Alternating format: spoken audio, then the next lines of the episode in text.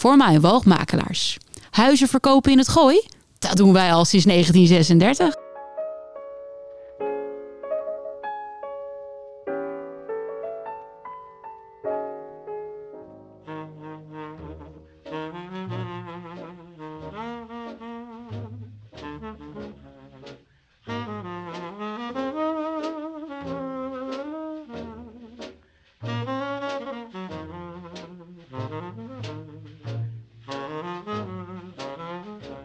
Goedemorgen, welkom bij Praatvogels, aflevering 61. Elke zondag om 11 uur vertellen wij u verhalen van liefde en bedrog, chique vrouwen in elegante auto's, kleine man, groot verdriet, uiterlijk vertoon. Tegenwoordig lijken alle kleine auto's op elkaar en alle SUV's ook. Net zoals de kindertjes die daarmee naar school worden gereden. Hetzelfde geldt voor de racewagens, bestuurd door opgefokte astronautjes. Het artistiek uiterlijk en innerlijk van deze vervoermiddelen is gelijk aan dat van de gemiddelde huishoudstofzuiger. Nee, dan zijn de automobielen van het in Antwerpen gebouwde kroonjuweel, de Minerva, en de Hispano Suiza uit Barcelona stuk voor stuk elegante tijdloze kunstwerken, de trots van hun bezitter.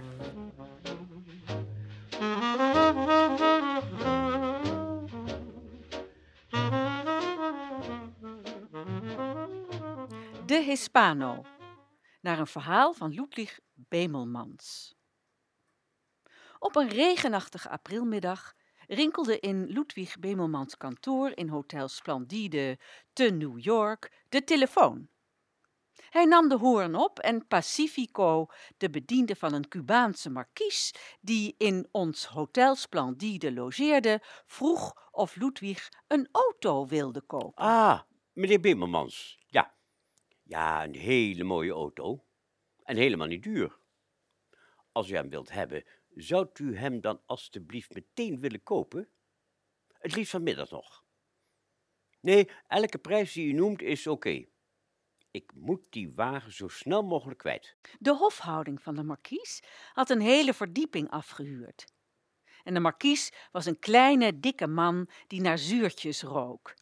Hij liep op verhoogde hakken en zijn blauw-zwarte haar was met pomade plat op zijn schedel geplakt. Door de roddels uit de kantine van de kamerbedienden had ik al van alles over hem gehoord. Het was mij bijvoorbeeld bekend dat de markies een vrouw en een heleboel kinderen had die in een paleis in Havana woonden. En dat hij daarnaast nog een huis in Parijs bezat en dat hij in New York verbleef met een jong meisje dat hij had meegebracht uit Frankrijk. Ze heette Nicole, maar de Cubaanse bediende noemde haar La Platina, vanwege haar platina blond gebleekte haar.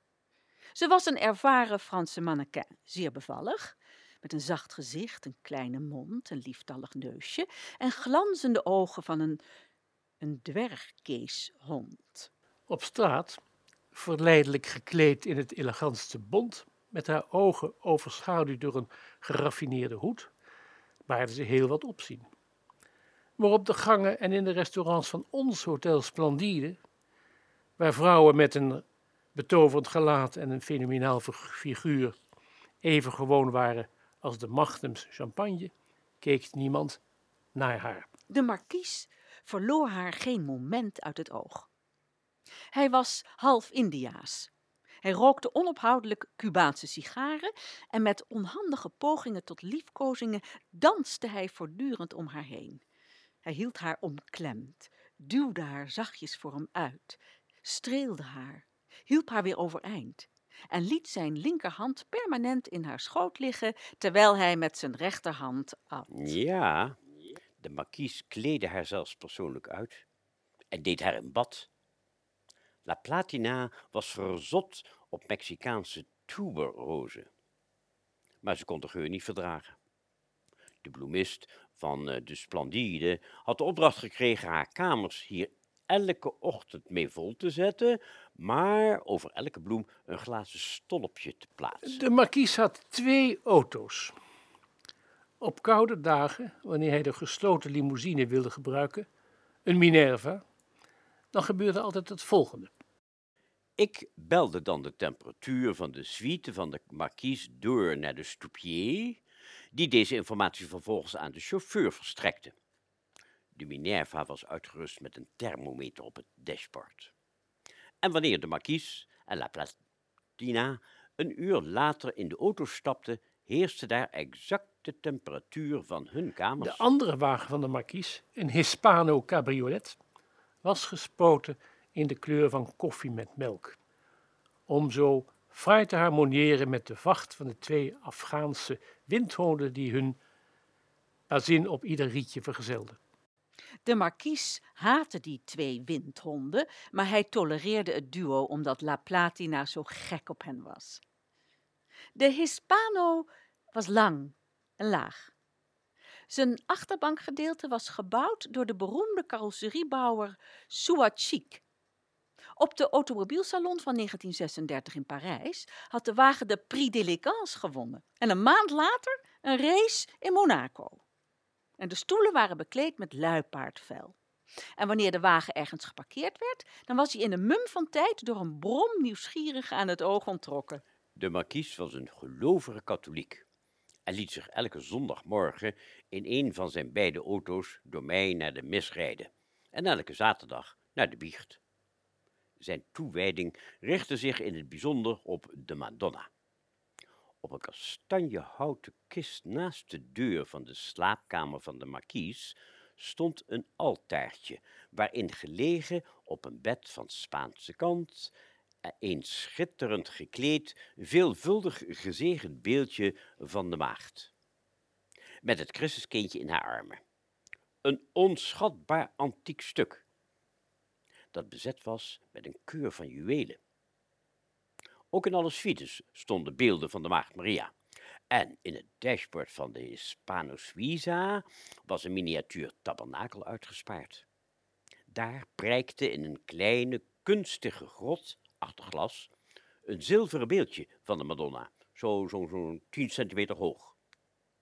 Wanneer ik op een knopje drukte, draaide de Madonna zich met haar rug naar de inzittende van de automobiel, zodat zij geen aanstoot hoefde te nemen aan datgene wat er zich afspeelde in de diepe, zachte kussens van het elegante voertuig. Op de dag voordat jij, Pacifico, mij belde om de Hispano te koop aan te bieden, had La Platina er nog mee door het hectische stadsverkeer gereden.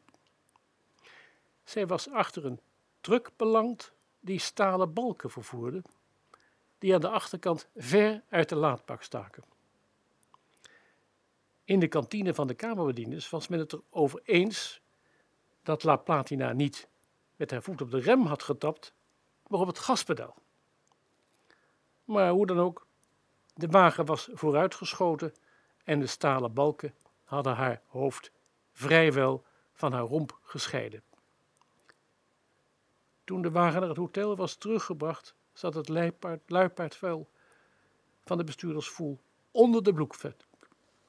De voorruit was verbrijzeld en de koplampen eveneens. De markies wilde zichzelf van het leven beroven. Eerst had hij de Madonna vervloekt en daarna was hij begonnen te snikken. De hele nacht had hij op zijn knieën liggen bidden. En toen het ochtend werd, gaf hij zijn personeel opdracht alle bagage te pakken en de eerste de beste boot naar Frankrijk te boeken. En daarna gaf hij mij opdracht de beide honden te laten afmaken en de wagen van de hand te doen. Hij wilde de Hispano Suiza nooit meer zien. De beste begrafenisondernemers van de stad maakten La Platina gereed voor haar overtocht naar Frankrijk. Ze lieten alle Mexicaanse tuberozen komen die er in heel New York waren te krijgen en zij werd, haar ogen natuurlijk gesloten, urenlang vertroeteld door zorgzame, balsemende handen. Ik vertelde aan al mijn vrienden in de bediende kantine dat ze mooier was dan ik haar ooit had gezien. Ik wilde die Hispano niet. Ik wist wat voor kostbaar speeltje hij was en hoeveel benzine die verbruikte en hoe duur de reparaties waren. Ik vond de kleur ook niet mooi en evenmin beviel mij die luipaardbekleding. Maar jij, Pacifico, bood hem mij bijna aan voor niets. Het opknappen zou maar weinig meer kosten dan de prijs die ik voor de hele auto vroeg. En dus kocht ik hem. Er was een Afrikaan in de staf van Hotel Splendide. Hij was een Senegalees. Hij was in dienst genomen als koper, goud en zilverpoetser. Maar ja, zijn ambitie was om portier te worden en een uniform te dragen. Zijn naam was Kalakobé. De volgende morgen kwam Calacobé mij opzoeken in mijn kantoor. Ik lichtte hem in over de Hispano. Die wilde hij ogenblikkelijk zien. Quelle merveille! Eindelijk rook Kalakobé zijn kans om een baantje te krijgen waarbij hij een uniform kon dragen. Ik zal mij een uniform laten aanmeten wanneer de auto gerepareerd en overgespoten is. Ik zal mijn vrije dagen als uw chauffeur dienst kunnen doen. En ieder uurtje dat ik daarna nog vrij ben, zal ik besteden aan het onderhoud en het poetsen van de wagen. Alles uit pure liefde. Pas nadat ik aan zijn wensen had toegegeven, slaagde ik erin hem bij de Hispano vandaan te krijgen. Laat u alstublieft, ik smeek u, het luipaardvel zitten. Alleen de bloedvlekken hoeven er maar uitgehaald te worden. Hij inspecteerde de bagageruimte, legde het vloermatje recht, testte de handrem en liet de Madonna verschillende malen om haar as draaien. In het handschoenenkastje vond hij een spiegeltje. Dat was gevat in een lijst van schildpad, net zoals een sigarettenkoker met goudopalen initialen.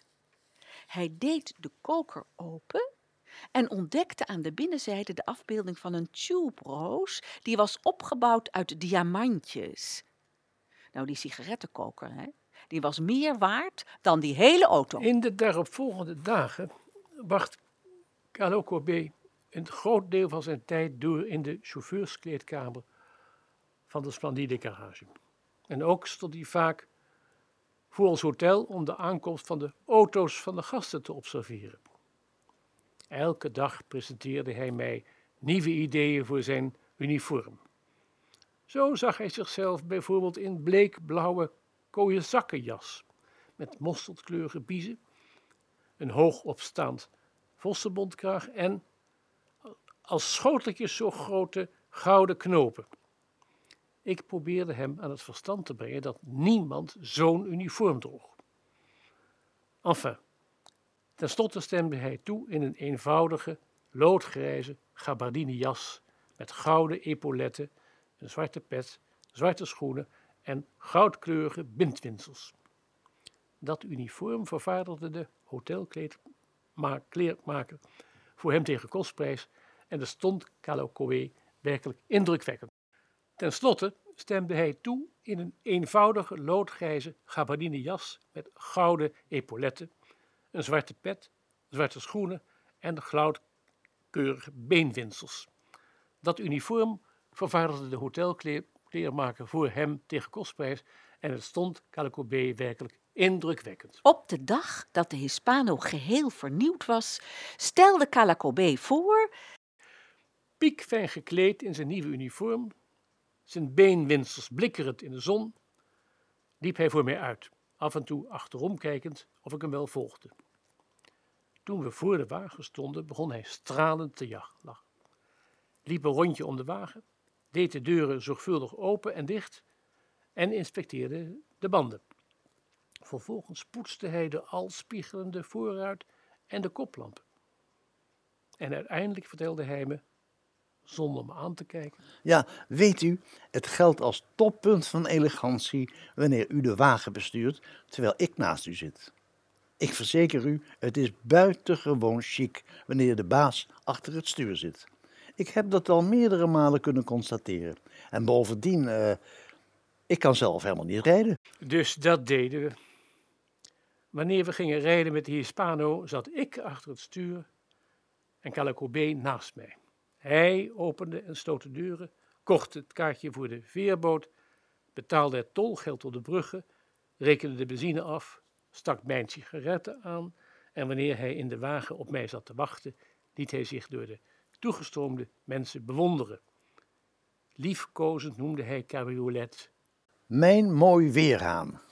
En desgewenst verklaarde hij het publiek de stamboom van de Hispano.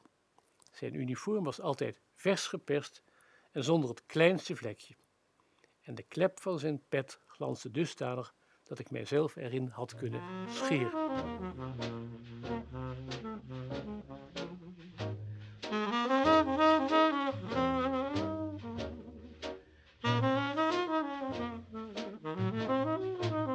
Dit was aflevering 61. Vandaag hoorde u de praatvogels Maurits van de Walbaken, Michiel van Zeggelen, Corien van de Walbaken en Wiebe van Dijk. En mijn naam is Hansje Terlingen. Tot volgende week zondag om 11 uur voor een hoorspel over een huwelijksleven met een schrikmoment. U kunt de praatvogels ook afluisteren op elk ander moment via Spotify, de praatvogels, of via de podcast van dorpsradio.nl.